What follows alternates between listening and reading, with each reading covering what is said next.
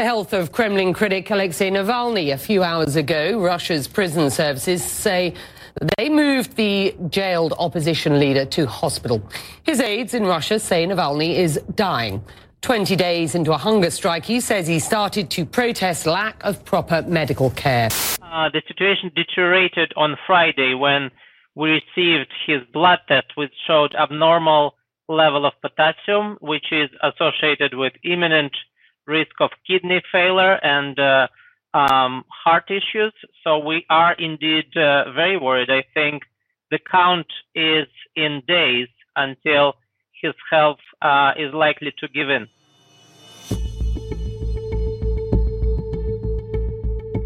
Alexei är döende. I hans tillstånd kan det vara fråga om dagar.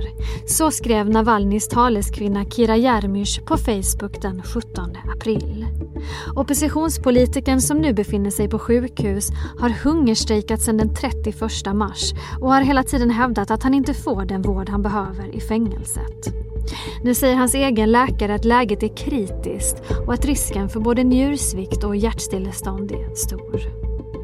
Navalny förgiftades förra året med nervgiftet Novichok, vårdades i Tyskland men återvände sen till Ryssland. Där greps han på flygplatsen och dömdes till fängelse. Kritiken mot president Putin har varit stenhård både i Ryssland och internationellt. Men påverkar omvärldens högljudda protester och förväntade sanktioner Navalnys öde? Vad skulle det innebära för Putin och Ryssland om Navalny blir sämre eller till och med dör? Flera av Navalnys närmaste allierade har gripits inför planerade demonstrationer och protester de senaste dagarna. Hur påverkas Navalnys politiska rörelse av tumultet kring hans hälsa? Allt det här ska vi tala om i dagens Aftonbladet Daily. Jag heter Olivia Svensson. Och vi ska prata med Aftonbladets utrikespolitiska kommentator Wolfgang Hansson. Han får börja med att berätta det senaste vi vet om Alexei Navalnys nuvarande hälsotillstånd.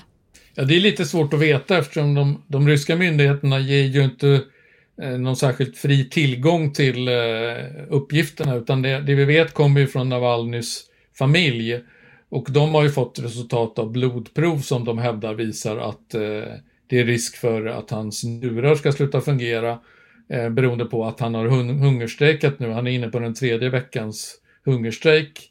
Eh, och man fruktar även att eh, det ska vara risk för att hans hjärta ska stanna. Men, men om, om det verkligen är så eller om det är så att säga en, en partsinlaga från deras sida, det är väldigt svårt att, att veta. Men det vi vet är att han har i alla fall flyttats ifrån fängelset till ett eh, eh, fängelsesjukhus eh, utanför, en bit utanför Moskva. Eh, där han i och för sig inte heller får träffa sina egna läkare, vilket är det han kräver. Han, han, av förklarliga skäl så litar han ju inte särskilt mycket på de fängelseläkarna, utan han vill ju att bli undersökt av läkare som han har förtroende för och det har eh, myndigheterna hittills eh, förvägrat honom. Mm. Hur har hans tillvaro i fängelset sett ut sedan han kom dit? Han inledde ju en hungerstrejk. Ja, det har varit ganska kaotiskt eh, så att säga redan från början. Eh, och det är väl ungefär vad man kan förvänta sig eftersom Navalny vill ju naturligtvis utnyttja den här tiden i fängelset till att eh, försöka göra livet surt för Putin precis på samma sätt som Putin försöker göra livet surt för honom. Och han, på något sätt har ju Navalny en förmåga att hela tiden ligga steget före makten. Så att han, ehm, eh, han försöker ju fortsätta med sin aktivism trots att han sitter i, i fängelset. Och det gillar han naturligtvis inte eh, Kreml. Och eh, därför så försöker man göra livet surt för Navalny som då svarar med hungerstrejk. Och Eh, det är klart att eh, risk, risken finns ju att han dör och det är ju inte bra för Navalny men det är heller inte särskilt bra för eh, den ryska regimen. Nej, berätta. Alltså, vilka konsekvenser skulle det bli för Ryssland och för Putin om han faktiskt skulle dö? Ja, alltså det skulle ju vara, eh, bli en enorm internationell eh, proteststorm mot Ryssland och mot Putin om Navalny dör i, i fängelset. För att man skulle ju anse det som att Putin i praktiken har, har mördat Navalny. Eh, vilket i och för sig egentligen inte är eh, så konstigt eftersom eh, den här, det som gjorde att Navalny sitter där han sitter överhuvudtaget just nu, det, det beror ju på att eh, den ryska regimen försökte ta livet av honom med det här nervgiftet Novichok. Mm. Och det hela slutade med att Navalny fick föras till Tyskland för sjukhusvård. Och ingen trodde väl att han skulle våga gå tillbaka till Ryssland, men det gjorde han. Och, och då blev han gripen och fick ett fängelse, eh, villkorligt fängelsestraff om, omgjort till ett riktigt fängelsestraff. Och, och det är därför han sitter bakom lås och bom nu. Och, så att det faktum att, att Putin vill bli av med, med Navalny, det är, ju, det är ju väl känt. Men det är klart att det blir ju eh, det skulle ju se väldigt illa ut ifall han dör eh, i, i, den, i de ryska myndigheternas eh, händer så att säga. Och vad tror du att det skulle innebära för Navalnys eh, anhängare och för de, de eh, som eh, stöttar hans politiska gärning?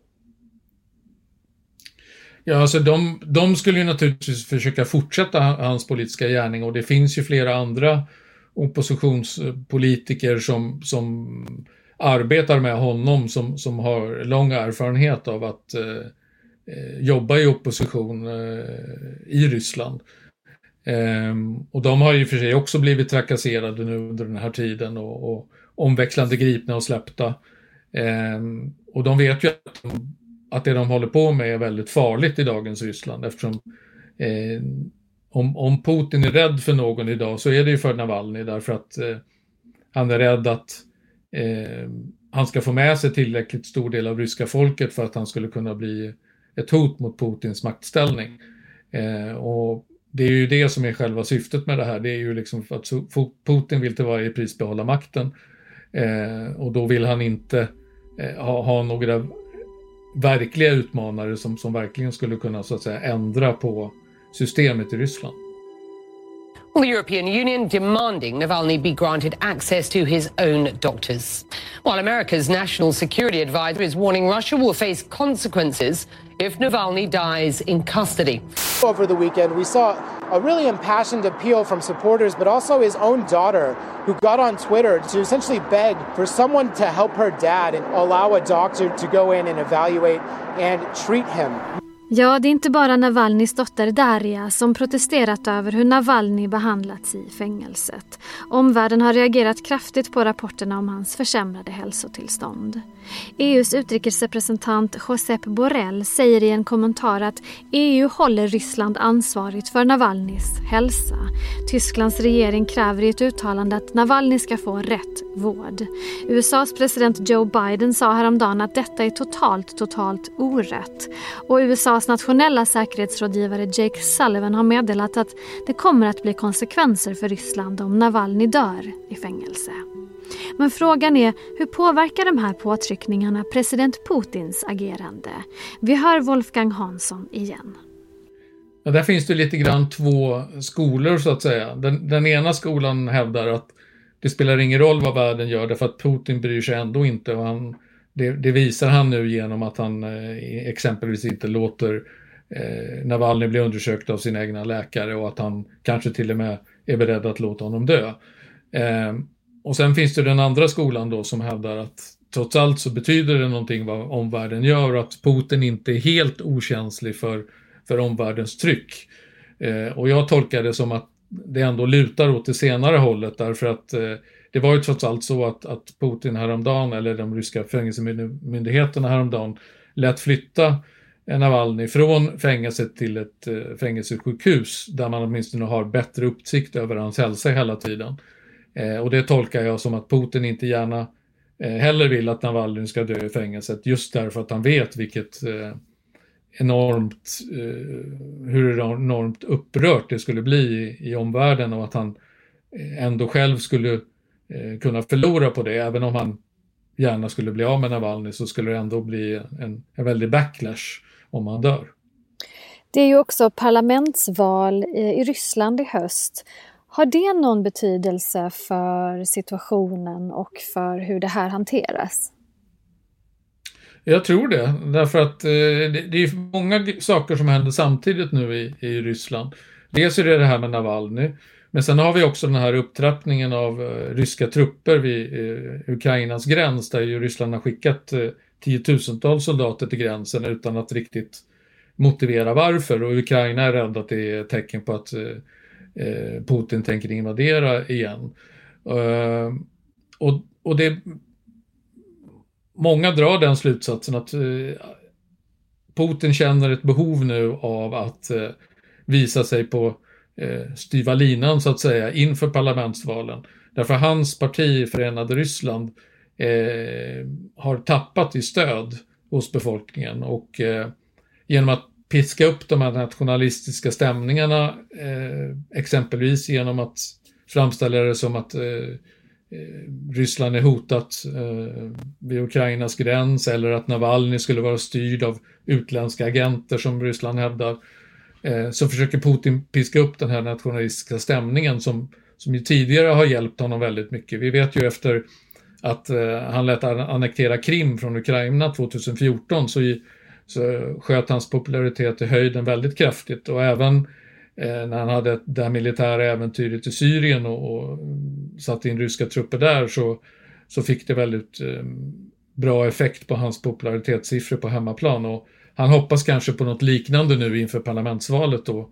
Eh, både genom att vara lite hårdhänt mot Navalny och, och eh, skicka trupper mot Ukraina och så vidare. Och Navalny då, alltså hela historien nu om hans hälsa, hungerstrejken, protesterna. Riskerar den här historien att, att, att skymma hans politiska rörelse och, och vad han vill åstadkomma för, för Ryssland? Ja, alltså det, det, det finns en sån risk och jag, jag, vet att jag har fått mejl från en del som i och för sig är anhängare av Navalny, alltså svenskar då, som, som inte begriper varför han eh, eh, så att säga satte igång med den här hungerstrejken eller varför han reste tillbaks till Ryssland överhuvudtaget och som tycker att han eh, att han så att säga undergräver sin, sin, egen ställning genom att riskera sitt liv på det här sättet som nu genom, genom hungerstrejken. Och att han borde agera annorlunda. Men på något sätt så är, har ju det varit hans signum hela tiden, den här kompromisslösheten. Eh, han, han, har ju hela tiden varit extremt orädd när han har haft att göra med de ryska myndigheterna och med Putin. Han, han verkar inte rädas någonting. Eh, så att jag tror att han, han, jag tror inte han kan fungera på något annat sätt utan det är, det är liksom full gas hela tiden oavsett konsekvenserna. Det, det är det som gäller. Och vad tror du om den kommande tiden här? Vad är det mest tänkbara scenariot som du ser det? Ja, så det mest tänkbara scenariot är väl ändå att han eh, att, får, att man gör någon slags eftergift gentemot Navalny eh, mot att han avbryter sin hungerstrejk. Och att så att säga situationen lugnar ner sig lite grann. Eh, han ska ju han, har, han ska ju fortfarande sitta två och ett halvt år i, i fängelse innan han blir utsläppt, så han är ju inget omedelbart hot mot Putin oavsett vad. Eh, särskilt inte när han, när han är vid liv och sitter eh, i fängelset. Eh, det ska ju också bli Eh, demonstrationer över hela Ryssland idag eh, till stöd för Navalny. Eh, och det återstår ju att se lite grann hur, vad som händer där. Kommer bli, hur mycket människor samlas till de här demonstrationerna? Hur, hur hårt kommer polisen att bemöta dem och så vidare. Och där är, ut, ur det kan det ju komma en utveckling som, som är svår att förutsäga eh, vid sidan av det här med Navalnys eh, sjukdom eller hälsotillstånd eh, för närvarande. Vi litar på att du följer utvecklingen framåt. Tack så mycket för idag, Wolfgang Hansson. Tack så du Sist här hörde vi Wolfgang Hansson, Aftonbladets utrikespolitiska kommentator. Jag heter Olivia Svensson och du har lyssnat på Aftonbladet Daily. Prenumerera gärna så missar du inga avsnitt. På återhörande Hej då. Du har lyssnat på en podcast från Aftonbladet. Ansvarig utgivare är Lena K Samuelsson.